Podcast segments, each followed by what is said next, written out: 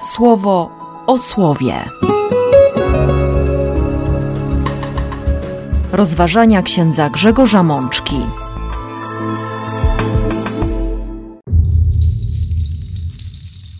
Dwudziesta szósta niedziela zwykła, rok C.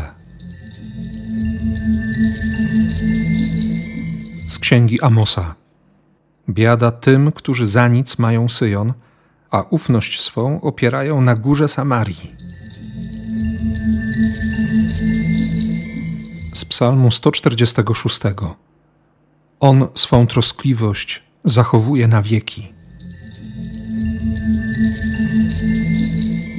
Z pierwszego listu świętego Pawła do Tymoteusza. Zabiegaj o sprawiedliwość, o pobożność, o wiarę, o miłość, o wytrwałość, o łagodność. Tocz szlachetny bój wiary. Zdobywaj życie wieczne. Z Ewangelii według świętego Łukasza. No i wreszcie umarł ten żebrak. Aniołowie przenieśli go na łono Abrahama. Siostry i bracia, cieszę się bardzo kolejnym spotkaniem, spotkaniem przy słowie, spotkaniem ze słowem. Zawsze, kiedy siadam do komentarza niedzielnych czy codziennych czytań, mam przed oczami obraz spotkania. Słowo potężne, wymagające, a jednocześnie niezwykle czułe, troskliwe, rozświetlające wszystko. I człowiek, nieporadny, trochę zagubiony, nie do końca świadomy tego, co może się wydarzyć i tego, jak może zmienić się jego życie po tym spotkaniu. Dlatego właśnie z często doświadczaną ekscytacją i pragnieniem odkrycia tego, co mówi Bóg, po raz kolejny staję razem z Wami, siostry i bracia, wobec słowa, które Pan daje nam we wspólnocie Kościoła. I znów cztery piękne teksty. Najpierw proroctwo Amosa, początek szóstego rozdziału. Tłumaczenie, które przytoczyłem na początku, pochodzące z przekładu Biblii pierwszego Kościoła z języka greckiego, z Septuaginty, różni się nieco od tego tekstu, który usłyszymy w czasie liturgii. Biblia Tysiąclecia tłumaczy pierwszy werset szóstego rozdziału w następujący sposób. Biada beztroskim na Syjonie i dufnym na górze Samarii. Natomiast przekład grecki kładzie akcent na bardzo konkretny grzech. Biada tym, którzy za nic mają Syjon, a ufność swą opierają na górze Samarii. To oczywiście czas podziału w historii Izraela. Królestwo Północne, Samaria, Jerozolima jako Królestwo Południowe, Królestwo Judy. Jerozolima, która ma świątynię na Syjonie, bo Bóg wybrał to miejsce i tam Salomon wybudował przepiękną świątynię, a wcześniej stał tam namiot, przybytek pański postawiony przez Dawida. Niestety po tym rozłamie wewnętrznym państwie żydowskim ludzie z północy wybudowali sobie inne sanktuarium.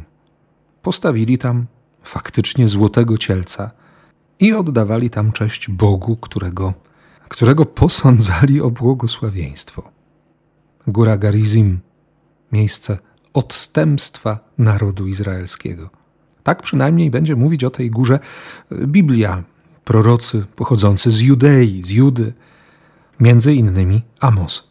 Oczywiście można ten tekst interpretować jako satyrę na bogatych ludzi, którzy nie przejmują się tymi, którzy nie mają nie mają pieniędzy, nie mają nadziei, nie mają szansy na jakiekolwiek, już nie trzeba mówić, czy nie warto mówić o godnym, ale w ogóle na jakiekolwiek życie. To ludzie, którzy nie widzą nic poza czubkiem swojego nosa, ewentualnie próbują tylko zapewnić dobrobyt swoim najbliższym. Nie licząc się oczywiście z kosztami, nie licząc się z czyimś życiem. Ale Amos, analizując tę sytuację, interpretując ją na sposób Boży, bo przecież prorok to człowiek, który, który będzie wyjaśniał rzeczywistość, ponieważ zna punkt widzenia Boga. Amos mówi o tym, że, że grzech, że korzeń tego grzechu tkwi o wiele głębiej, jest gdzieś indziej. Brak zauważenia człowieka bierze się stąd, że, że nie szanuje się Boga. Mieć za nic Syjon, czyli tak naprawdę stworzyć sobie Boga na swój obraz i podobieństwo, Boga bardzo wygodnego, Boga, który spełnia życzenia, Boga, który jest na pierwsze zawołanie, który staje się służącym. Oczywiście ktoś z Was może powiedzieć, ale przecież taki jest Jezus, ten, który służy, ten, który staje na każde nasze wezwanie, który przychodzi, gdy tylko o nim pomyślimy, który jest gotowy kochać. Owszem, taki jest Jezus, ale wiemy dobrze, że Jezus daje swoje słowo po to, żeby wejść z nami w relacje i jest nam tak bliski. I niektórzy powiedzą, że On staje się naszym niewolnikiem i pozwala na to, byśmy zrobili z Nim absolutnie wszystko, właśnie dlatego, by, by podzielić się miłością, by nas przekonać do swojej miłości. Amos nie zna Chrystusa, nie wie, jaki plan zbawienia przygotował Bóg. Dlatego wypominając grzechy tych bogatych ludzi, grzechy, które się nie zmieniły przez setki lat, to przecież ósmy wiek przed Chrystusem, dodajmy do tego te nasze dwa tysiące lat, okazuje się, że i trzy tysiące lat temu, i dziś mamy dokładnie te same problemy. A właściwie krążą po świecie dokładnie te same pokusy, na które ludzie tak samo odpowiadają bezradnością, chciwością.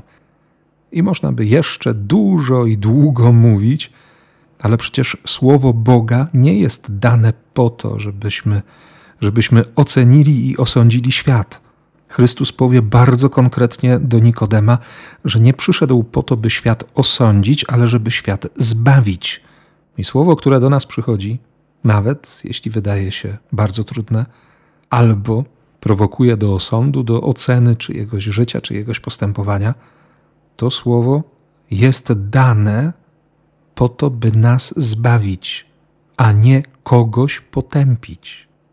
Owszem, możemy się w nim przejrzeć, jak w lustrze, ale to jest słowo, które chce nam dać siłę, które chce nas dźwignąć. I to pierwsze czytanie naprawdę w bardzo jaskrawy, wyrazisty sposób pokazuje pragnienie Boga, który staje dziś przed każdym z nas i mówi: No posłuchaj, uwierz mi na słowo, nie szukaj, nie biegnij gdzieś za jakimś mirażem, za fatamorganą, za, za złudzeniami. Posłuchaj mnie, uwierz mi. Co zrobimy z tym słowem? Amos mówi wyraźnie, że, że ci, którzy odrzucili Boga, pójdą na wygnanie, będą niewolnikami.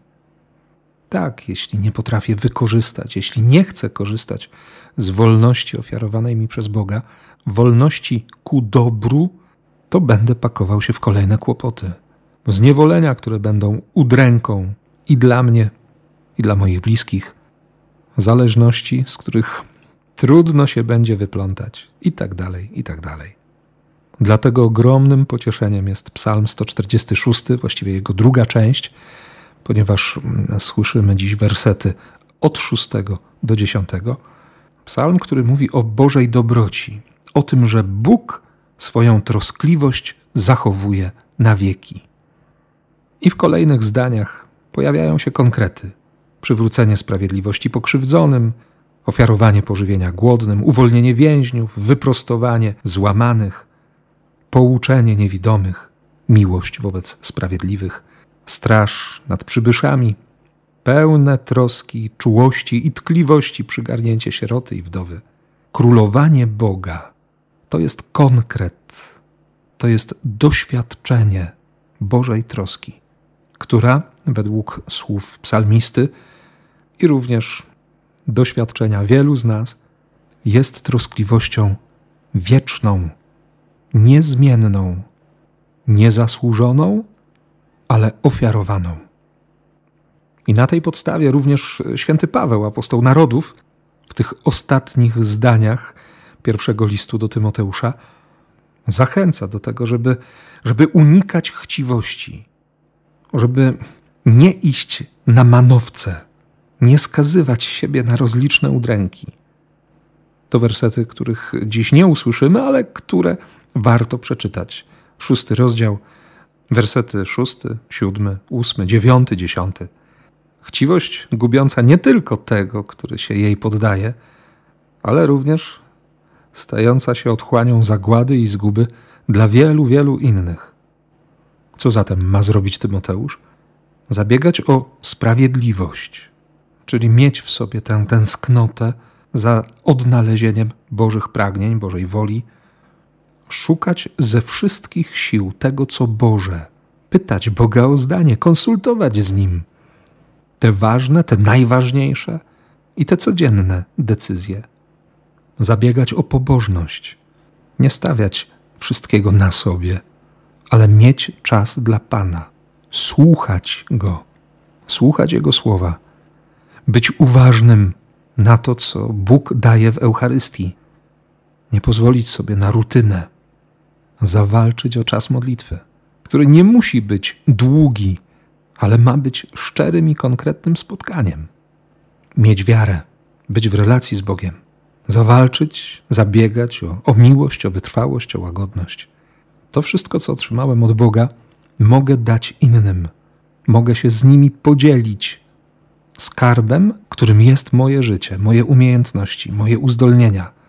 To, kim jestem, to, że jestem bo Twoje również, siostro i bracie, istnienie, Twoje życie jest skarbem nieocenionym, niepoliczalnym, bezcennym. Podobnie jak takim samym skarbem w oczach Boga jest życie tych wszystkich, których widzisz, których spotykasz, których masz na wyciągnięcie ręki i tych, których nigdy nie poznasz osobiście. Dlatego Tymoteusz słyszy od swojego ojca w wierze, od swojego mistrza, od swojego przyjaciela. Zabiegaj o relację z Bogiem. Pragnij bliskości Pana. Nie bądź chciwy na, na pieniądze, na zaszczyty, na relacje, na, na układy i dziel się tym, co otrzymałeś, tym, kim jesteś. Że nie jest to takie oczywiste, pokazuje nam dziś Jezus w Ewangelii, znana nam bardzo dobrze. Opowieść o o biedaku, który ma imię i o bezimiennym bogaczu. Bardzo majętny człowiek, kosztowne szaty, na co dzień życie wesołe i wystawne, a przy bramie żebrak, żebrak z owrzodzonym ciałem, żebrak o imieniu Łazarz, Eleazar. Jezus nie mówi nic o tym, że, że bogacz grzeszył, jakiś straszny, czy wołający o pomstę do nieba sposób. Nie mówi też o tym, że, że Łazarz był przykładem pobożności albo w niejako mistyczny sposób był zjednoczony z Bogiem. Tym bardziej, że, że ewangelista Łukasz, opisując pragnienie Łazarza, używa słowa określającego pożądanie do granic możliwości do granic szaleństwa. Nowy przekład dynamiczny tłumaczy werset 21 16 rozdziału Ewangelii Łukasza w taki sposób. Przychodził w to miejsce, by posilać się odpadkami ze stołu bogacza i choć trochę oszukać trawiący go głód. Dosłownie można by mówić o, o ogromnym pożądaniu resztek, ochłapów, może i nawet swego rodzaju śmieci. Jeszcze do tego pojawiają się psy, które dla Żydów były zwierzętami nieczystymi, bo się żywiły właśnie padliną. Te dzikie psy przemierzające ulice żydowskich miast, czy miejscowości, czy wiosek. A z drugiej strony pies jest również symbolem kapłana. W niektórych miejscach u proroków przeczytamy o tym, że, że kapłani są jak nieme psy, które nie wydają głosu, bo elity religijne nie nawołują do wierności Bogu. Psy okazujące Łazarzowi litość liżą jego rany. Oczywiście czytam ten tekst bardzo osobiście. Jestem kapłanem i mam być jak pies. Pies, który nawołuje, który szczeka, który pokazuje właściwą drogę, który odpędza złodzieja, który broni owczarni, który liże rany. Nie kąsa, niepotrzebnym słowem, ale, ale liże rany. Daje ulgę, wytchnienie. Przypominam sobie od razu te wszystkie dyżury w konfesjonałach, te momenty spowiedzi. I żebrak wreszcie umiera. Jezus opisując tę postać, mówi o człowieku, który, który znosi odrzucenie, jest pokryty wrzodami, ma pożądanie odpadków ze stołu bogatego człowieka, pozwala na lizanie ran i to przynosi mu ulgę, i wreszcie pozostaje w bramie czy przy bramie pałacu. Pięć określeń, tyle co liczba ksiąg Tory. Przeczytamy później, że bogaty człowiek ma również pięciu braci: Tora, prawo żydowskie, przykazania. W przypadku pierwszego z bohaterów opowieści Jezusa, tymi przykazaniami są rzeczy trudne, sprawy, które odrzucają, mogą się nawet wydawać beznadziejne. Dla drugiego przykazaniem są jego bliscy, jego rodzina. Poza nimi nie widzi nikogo, nie ma nawet słowa, bo okazuje się, że bogacz po śmierci odczuwa przede wszystkim cierpienie języka. I nawet wtedy, w tej sytuacji dla siebie beznadziejnej, dalej próbuje wydawać rozkazy. Ojcze Abrahamie, poślij Łazarza i tak dalej, i tak dalej. Dalej nie potrafi poprosić, nie umie dać innego słowa, nie umie dać słowa, które, które pocieszy, które dźwignie, które będzie budować relacje. A Łazarz, Łazarz po prostu był. Miał swoje pożądania, miał swoje grzechy, miał swoje pragnienia, oczekiwania, ale był, był w bramie. Brama dla Żyda to, to miejsce sądu, to miejsce, w którym można się było bronić, ochronić swoją godność, swoje dobre imię, można było dochodzić sprawiedliwości. Wydaje się, że Łazarz był człowiekiem nieustannie wystawiającym siebie na osąd, na badanie swojego życia, również na pokazywanie swoich ran. To bardzo wyraźna zachęta, żeby być po prostu szczerym przed Bogiem. By nie bać się stanąć przed Najwyższym z całą swoją biedą, bo Bóg naprawdę wie, co dla nas dobre, czego potrzebujemy. I nie powinniśmy mieć ani cienia wątpliwości, że On przygotował dla nas wieczność szczęśliwą, wyjątkową, taką Bożą. Tej nadziei Wam dzisiaj życzę i niech łaska i, i troska Boża ogarnie Was i objawia się w Waszym życiu. Niech tak się stanie. Amen. Słowo o słowie.